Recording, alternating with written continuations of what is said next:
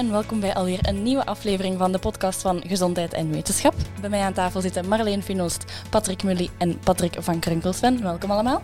Dank u. Uh, het is september en in Leuven betekent dat Leuven kermis. Um, en het toeval wil dat we net een artikel hadden over een kermisattractie. Niet zo lang geleden uh, op de Zuidvoor in Brussel hing er namelijk een attractie ondersteboven stil waar dat er nog mensen in zaten.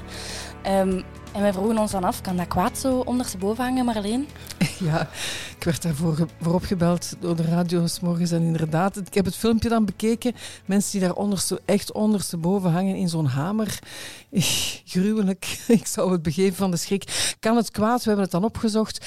Wel, zo'n kermisattracties, wanneer die is blijven haperen of en mensen hangen ondersteboven, die zijn meestal vrij snel bevrijd. En de brandweer komt er vaak bij of men, of, of men krijgt het toch weer aan de praat, het, machine. Dus dat gebeurt zeer zelden iets, laat me dat maar eerst zeggen.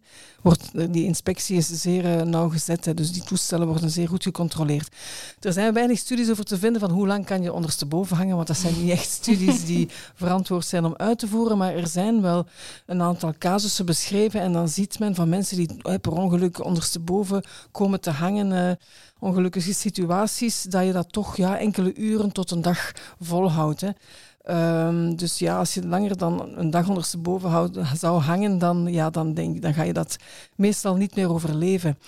En hoe komt dat? Dat komt omdat je organen zakken, zakken eigenlijk. En uh, waardoor je, je longen wat in verdrukking komen, wat moeilijker gaat ademen, maar ook het bloed. En vooral dat, het bloed komt... Uh, er is bloedstuwing in het hart. Er is bloedstuwing in het hart, waardoor dat hart meer moeite heeft om het bloed rond te pompen. En hartfalen is eigenlijk, als er mensen overlijden door lang ondersteboven te hangen, is dat bijna steeds door hartfalen.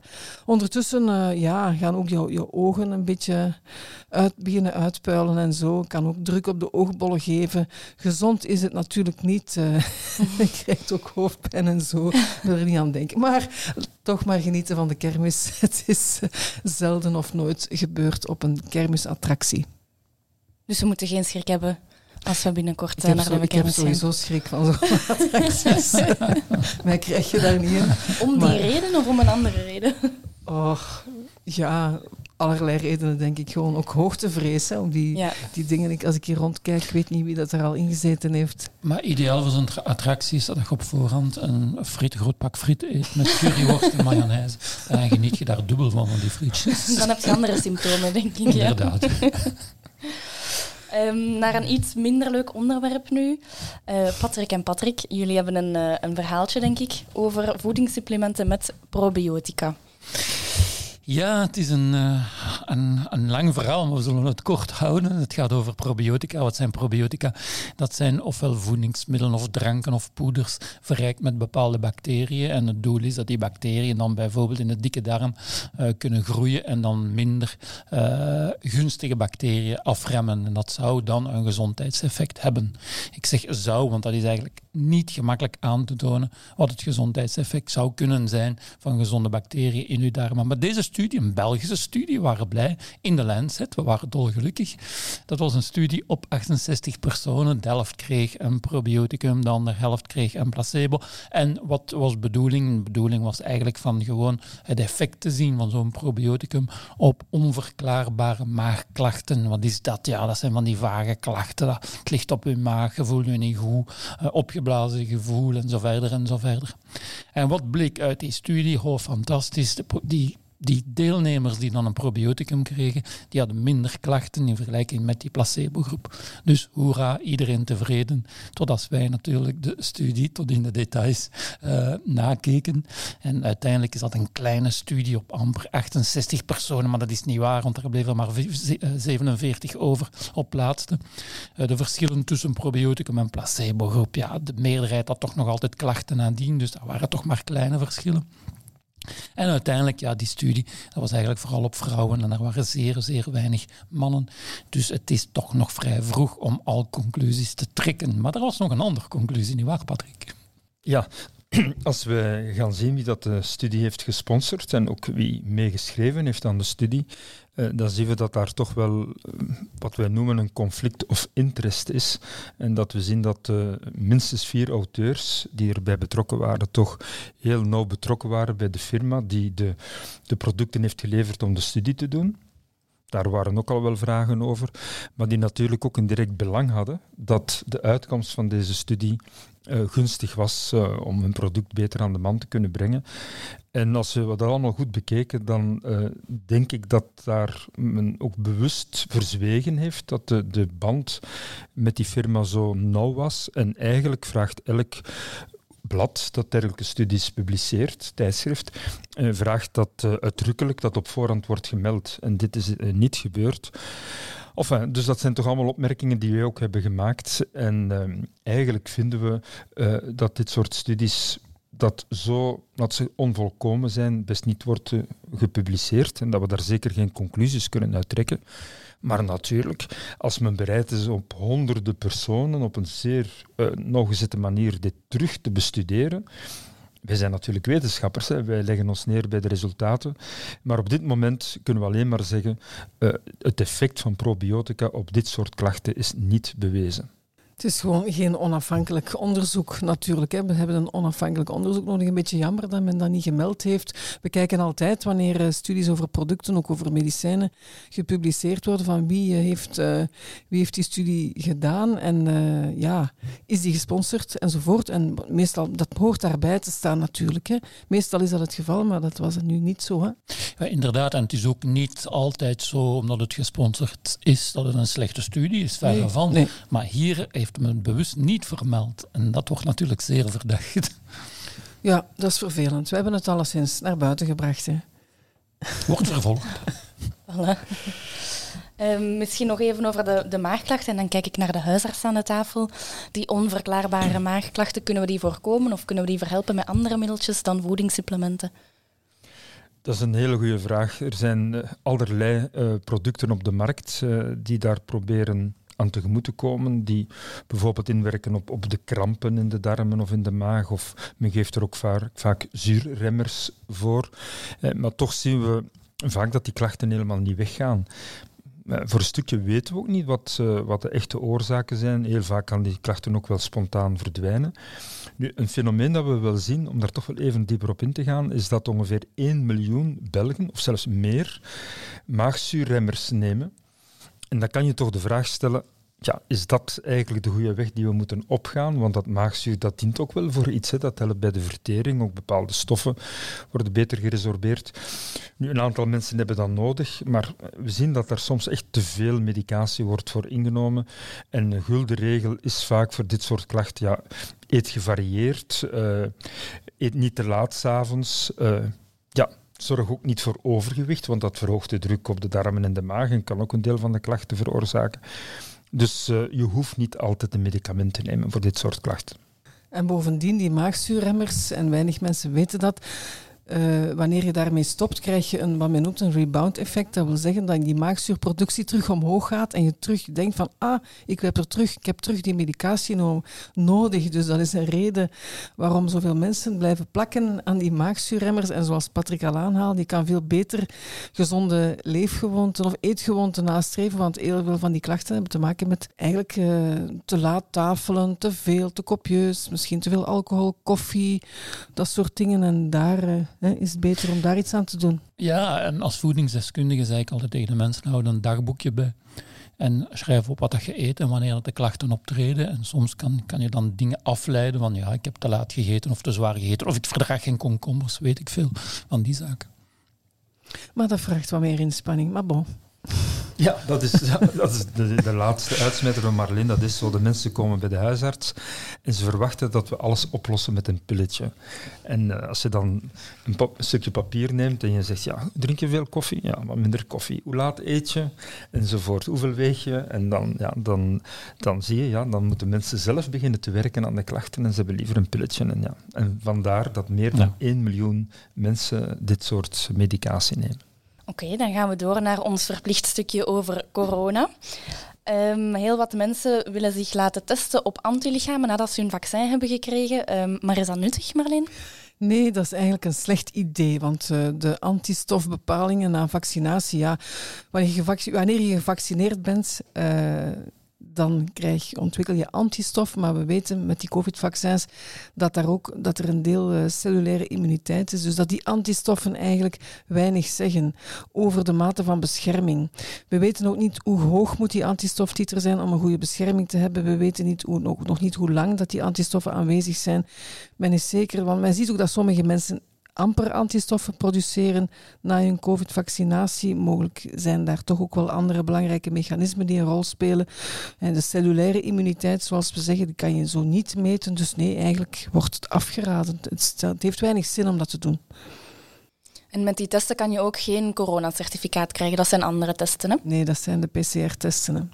Ja, het is heel bewust dat men dat doet, omdat, zoals Marleen zegt, die antistoffen is wel één van de drie, laten we zeggen, kenmerkende reacties van het lichaam. Dus naast die cellulaire immuniteit heeft men ook de geheugencellen, die heel snel in werking treden als men terug contact heeft met het virus. En die blijven in werking ook als uw antistoffen helemaal uit het bloed zijn verdwenen. Dus we weten nog niet goed hoe lang dat men echt uh, veilig is na de vaccinatie. En dit systematisch gaan meten bij alle mensen, dat gaat heel veel ongerustheid uh, met zich meebrengen op basis van iets dat we nog niet goed weten van hoe hoog moeten die zijn of mogen ze helemaal weg zijn, de antistoffen. Dus ik denk dat we uh, gewoon iedereen nog eens een keer moeten oproepen voor de mensen die luisteren die nog niet gevaccineerd zijn. Het is echt de enige manier om uh, u te wapenen tegen het virus. En ik zeg tegen mijn patiënten ook, wees gerust, als je niet laat vaccineren, u zal COVID krijgen. En uh, het wordt ook gezegd, ja, de laatste gaten hè, van mensen die niet gevaccineerd zijn, die gaan opgevuld worden door het virus zelf. Hè. Die, gaan, die, die mensen natuurlijk, die 10, 20 of meer procent die niet gevaccineerd zijn, het virus gaat er wel voor zorgen dat ze ofwel zwaar ziek zijn, uh, ofwel doodgaan of, of uh, antistoffen gaan hebben. Hopelijk voor hen het laatste. um, zijn er momenten wanneer die antistoftesten wel een nut hebben? Dus voor de algemene bevolking nee, maar misschien in specifieke gevallen wel? God, uh, misschien dat men, maar dat is toch meer onderzoeksmatig, dat men zou kunnen zien in, in bepaalde zwakkere groepen, hoe dat die dan uiteindelijk uh, reageren op ziekten enzovoort en opnames. Maar nogmaals, voor de algemene bevolking raden wij het af om zo'n bloedtest te laten doen. Het zit louter in het vakje van wetenschappelijk onderzoek. Ja, oké. Um, dan zijn er ook weer wat meldingen van mogelijke bijwerkingen naar boven gekomen. Eentje daarvan is een hartontsteking. Dat klinkt toch vrij ernstig. Ja, dat is inderdaad uh, myocarditis en pericarditis, dus uh, ontsteking van de hartspier of van het hartzakje, treedt af en toe op na uh, vaccinatie met het Pfizer of Moderna-vaccin, dus die mRNA-COVID-vaccins. Vooral bij jongere mensen en vooral bij mannen. Um, ja, dat is, maar het klinkt vrij ernstig, zeg je, maar het is eigenlijk meestal heel erg mild. Dus dat is van voorbijgaande aard met wat pijn op de borst, vermoeidheid, hartkloppingen. Um, het, gaat, dus, het is meestal mild en het is ook niet ongewoon, want men heeft het ook al gezien na vaccinatie met hepatitis B-vaccin en na griepvaccinatie. En men ziet het bijvoorbeeld ook na uh, pokkenvaccinatie. En dan denk je, pokken, dat, dat wordt toch niet meer gedaan, pokkenvaccinatie? Ah wel, ben het gaan opzoeken, ben het gaan opzoeken in het kader van dit onderwerp. En ik zag dat uh, in de Verenigde Staten de soldaten allemaal terug gevaccineerd worden sinds 9-11, sinds de aanslagen op de Twin Towers, worden, worden de uh, Amerikaanse militairen krijgen terug systematisch pokkenvaccinatie. Dat zijn natuurlijk allemaal jonge mannen. En dan ziet men dat 16 op per miljoen vaccins er ook een, een zo'n tijdelijk een hartontsteking krijgen. Maar je kan dat eigenlijk gemakkelijk opsporen. En er ja. zijn de symptomen die je tonen. En er is ook wel het, het, gaat vanzelf voorbij, meestal, Patrick? Ja, absoluut. Nu, we zien het ook gewoon aan, een, een, virusinfectie. Dus uh, waarschijnlijk Juist, ja. ook, ja, ja, ook. Uh, na coronavirusinfectie, maar ook naar een griepinfectie zien we dat wel eens een keer opduiken. Dat is de reden dat men zegt, je moet geen zware inspanningen doen als je een griepje hebt, of zelfs een, een zware verkoudheid met koorts. Gaat dan geen crosslopen of, of, een, of een professionele zware inspanning doen. Uh, dus doet het dan net iets rustiger aan. En dat is de reden waarom men nu toch wel zegt, als je laat vaccineren en je voelt en dat je erg moe bent, ja, dan moet je niet zo doen. Uh, doe het dan een paar dagen rustig aan. Dat is het beste advies. Uh, want dat is het enige dat gevaarlijk zou kunnen zijn, dat je met die uh, myocarditis of die ontsteking op je hart, dat je dan nog eens zware inspanningen gaat doen. Dat is eigenlijk af te raden. Dat is de voornaamste regel die je moet in overweging nemen. En is daar medicatie voor nodig? Wel, bij zeer ernstige gevallen, die, ja, de mensen echt heel moe zijn, uh, heel snelle hartslag hebben, ja, die zullen dan eventueel wel moeten opgenomen worden in het ziekenhuis. En men kan dan inderdaad ook weer die infectie eh, gaan onderdrukken. Maar dat is bijna nooit nodig. Ja, en in dit geval is het dus inderdaad een uh, nevenwerking van Pfizer en Moderna vaccins tegen COVID en is het ook opgenomen als dusdanig in de bijsluiter, maar het is zeer zeldzaam en zo goed als steeds mild van aard. Ja. Nu, in de praktijk, ik heb wel een vraag. Raad je aan aan mensen die gewoon zijn van te lopen en die een verkoudheid hebben, van gewoon te stoppen? Of raad je aan van minder te lopen? Dan moet je vooral vragen aan iemand die heel graag loopt en deze regel misschien ook niet altijd helemaal correct toepast. maar uh, uh, ja, de grens is misschien toch wel koorts. Als je echt, uh, je echt niet goed voelt en je hebt koorts, ja, doe het dan rustig aan. Wandelen lijkt me dan nu niet tegen aangewezen, maar echt zwaardere inspanningen zijn dan eigenlijk tegen aangewezen. Dank Een andere bijwerking, um, herpesinfecties of uh, zona. Ja, dat is, dan, dat is dan weer niet bewezen. Er zijn inderdaad meldingen van mensen die zona kregen kort na de vaccinatie. En zona, dat is die uh, huidinfectie waarbij dat er eigenlijk een, een virus dat sluimert in het lichaam na waterpokken, na windpokken. We hebben als kind allemaal windpokken of waterpokken, wijnpokken zijn men ook wel meegemaakt. En dat virus blijft sluimeren in het lichaam en dat kan, wanneer je weerstand hard ernstig uh, vermindert, opflakkeren in onder de vorm van zona. Nu, men heeft dat een paar keer gezien en daar zijn ja, zelfs studies over geweest van tja, zijn er meer zona's na covid-vaccinatie, maar men heeft daar eigenlijk geen verband gevonden. Komt vooral ook voor bij op oudere leeftijd, die zona. Dus ja, die mensen waren dan toevallig gevaccineerd. Dus er is geen enkele aanwijzing dat er een verband is tussen herpesinfecties en de covid-vaccinaties. Ook, ook koortsblaasjes en zo zijn ook meldingen van, maar daar is geen, uh, dat is een toevallig verband. Daar is geen oorzakelijk verband met het vaccin. Nee, want voor alle duidelijkheid, als je dat virus dat uh, de infectie veroorzaakt niet hebt gehad in je jeugd, dan kan je ook na vaccinatie niet plots zona krijgen. Hè? Nee, nee, absoluut niet. Maar ik denk dat iedereen wel uh, heeft gehad hè, in zijn jeugd. Dat is zo'n banale kinderziekte. Ik denk vroeger... Ik denk meer of, dan 90 procent. Ja, Of nu nog gaan we ervan uit dat dat zo is. Ik weet niet dat dat in de nieuwe generatie nog zo is. Als wij jong waren, ik denk dat wij hier rond tafel uh, toch drie van de vier zeker windpokken hebben gehad. Uh, ik weet niet dat dat nu nog uh, zo is. Nu, we organiseerden ook ben, uh, van die chickenpox parties, dus windpokkenparties. Dus op het moment dat ergens een kindje ja. windpokken had... Sorry, zouden we ook moeten doen, ja. Corona-parties. ja, wij dat deden ze al, maar dat mocht niet. Ja, waarom? Misschien is het wel interessant. waarom deed men dat eigenlijk? We weten zo windpokken, als, een, als een kindje dat heeft, dan zie je heel vaak ja, soms wel wat van die blaasjes met vocht. maar naarmate dat je ouder wordt, kun je daar veel zieker van worden beetje zoals met corona trouwens. Dus naarmate je ouder bent en je hebt dan windpokken, dan heb je soms echt littekens uh, ook van die windpokken en, en uh, ben je zwaarder ziek. En daarom was dat wel een voordeel om eigenlijk dat als, als, als jong kindje op te doen. Ik, ja, maar ik durf het niet zeggen, maar wie weet zijn er wel wat linken te trekken nu ook naar het coronavirus. Maar ik denk dat we dat op dit moment niet kunnen beoordelen. Uh, maar nog iets over die zona. Eh, klassiek zegt men, ja, je immuniteit moet heel zwaar op de proef gesteld worden en dan krijg je dat.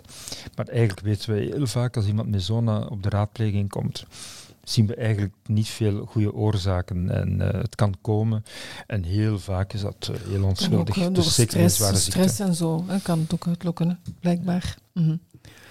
Nu, ik heb die, die windpokken gehad als ik 5, 26 was. Je bent daar wel ziek van, hè? Ah ja, voilà. Als dat was eigenlijk al te oud, hè? Ja, maar ik, ben, ik ben ook heel jong van karakter. Jij bent niet naar een chickenpox party geweest dan? Nee, dat is uh, ja. Toch niet al 5, 26. Je had het moeten doen. Oké, okay, daarmee ronden we ons stukje over corona af en dan gaan we weer naar de leukere onderwerpen. Je ziet ze vaak liggen in de winkel, de groentechips. Klinkt gezond, want groenten, maar zijn ze ook gezonder dan gewone chips, Patrick? Qua marketing is dat fantastisch. Hè? De naam al, groenten zijn gezond, groentechips zijn dus ook gezond. De verpakking is schitterend met tomaten op en bananen en, en alles wat je wilt. Bananen? Daar zijn, ja, ja, er is, er is chips op basis van bananen. Inderdaad, fruitchips. fruitchips. fruitchips, ja, dat zijn geen groentechips. Maar kom, het, het zit goed allemaal natuurlijk. Ja. En als je dat eet, heb je een goed gevoel van, och, dat kan geen kwaad. Het gaat er gemakkelijk in, s'avonds voor tv. Maar het probleem is, als je naar de analysecijfers kijkt, dat wil zeggen naar het aantal calorieën kijkt, ja, daar zit wel iets minder calorieën in die groentechips. Maar uiteindelijk, de winst is niet groot. Ik bedoel, als je 100 gram gewone chips gaat eten, zou je 120 gram groentechips mogen eten. 20 gram meer, maar je betaalt ze natuurlijk ook, want die groentechips zijn stukken duurder. En hoe maakt men eigenlijk die chips? Wel, het principe is eigenlijk eenvoudig. Hoe maak je een product light of lichter in calorieën? Dat is dan gewoon door het vet. Van, vet is één heeft 9 calorieën per gram. Dat vet te gaan vervangen door suiker. Suiker is 4 calorieën per gram. Dus hoe meer suiker in een voedingsmiddel en hoe minder vet, ja, hoe minder calorieën dat je gaat hebben per 100 gram. En je ziet het ook aan die analysecijfers. Die uh, groentechips bevatten ongeveer uh, een 31 gram suiker, toegevoegde suiker per 100 gram. Tegen gewone chips, dat is een vetrijker, maar die bevatten maar 1 of 2 gram suiker. Oh, en nogthans, die smaken toch niet altijd zoet, die groentechips? Die smaken eigenlijk niet zo zoet omdat er ook nog veel uh, vet bij zit. Maar als je de analysecijfers ziet, is de fractie suiker toch wel serieus gestegen. Een vraag aan de voedingsspecialist. Ja. Aardappelen, zijn dat ook niet een soort groente? Ja, aardappelen, inderdaad. Ja, dat is natuurlijk een strikvraag, inderdaad. dat is geen chips, maar dat is eigenlijk ook groentechips. Voilà. Maar uiteindelijk, ik denk, ja, als je chips eet, geniet ervan. Uh, kijk vooral naar de hoeveelheden. En denk niet van, och, groentechips, dat kan geen kwaad. Daar mag ik van eten zoveel als ik wil. Ja, dan is het weer om zeep. Ja, dus je moet je groenteporties niet vervangen door groentechips. Begrijp. ja, ik kan dat wel af en toe doen, maar ik zou dat toch niet systematisch alle dagen gaan doen om 200 gram per dag. Want dan ga je toch wel andere ja. Problemen oplopen op de weegschaal. Ga je er dan alle vitamine uitkrijgen uit die groentechips? Als, hetzelfde als dat je gewoon die groente zou eten? Ik ga je ontgoochelen, maar als je dat product zo bewerkt en zo opwarmt en zit te snijden en, en te bakken en te koken, dan weet ik veel. Dat je, je vitamine C, die, uh, die is al lang weg. Dus ik denk niet dat dat een goede reden is om groente chips te gaan eten. Nee, toch niet. En zijn er dan gezondere alternatieven in plaats van chips? Maar dat is een zeker gezonder alternatief. Ten eerste chips zelf. Als je kijkt naar de hoeveelheden is dat geen probleem. Als jij een uur gaat joggen en eet een portie chips, ja, dan is dat geen enkel probleem natuurlijk. Maar natuurlijk noten, we weten allemaal zeker walnoten en zo verder. Dat is ook een zeer gezonde alternatief. Maar je moet weer al kijken naar die calorieën. Hè. 100 gram noten is 600 calorieën. Gedroogde fruitsoorten, zeer goed alternatief ook. Maar kijk ook naar de calorieën, want door het drogen verwijdert je het water. Water is nul calorieën voor ons, voor ons lichaam. Dus met andere woorden, hoe meer dat het gaat drogen, hoe meer dat water eruit gaat, hoe hoger dat het aantal calorieën zal zijn per 100 gram. Ik denk, er zijn alternatieven, maar kijk altijd toch een beetje naar die calorieën. Oké. Um, en als we willen vermageren, dan moeten we alle witte granen vervangen door volkoren granen. Dat was een grote studie die pas verschenen is. En eigenlijk vond ik dat wel een, een toffe studie. De studie zelf betekende niet veel, maar het is wel tof van die koolhydraten. Dus brood, granen, rijst, van die terug eens op een correcte plaats te zetten. Hè. Want al die commerciële diëten, ik denk aan Montignac-dieet, Atkins-dieet, die schieten al die koolhydraten af als bron van obesitas, diabetes, zelfs kanker. Je zou schrik hebben van nog een portie aardappelen te eten. Zo giftig is het.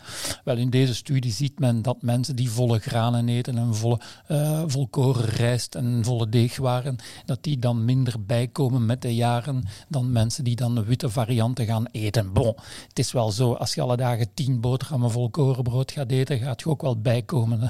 Het probleem is natuurlijk, wie eet havermout en zo verder en zo verder. Dat zijn meestal mensen die sporten, die niet roken, die al gezond eten, minder vlees eten, meer fruit en meer groenten. Dus op dat vlak was die studie echt niet goed.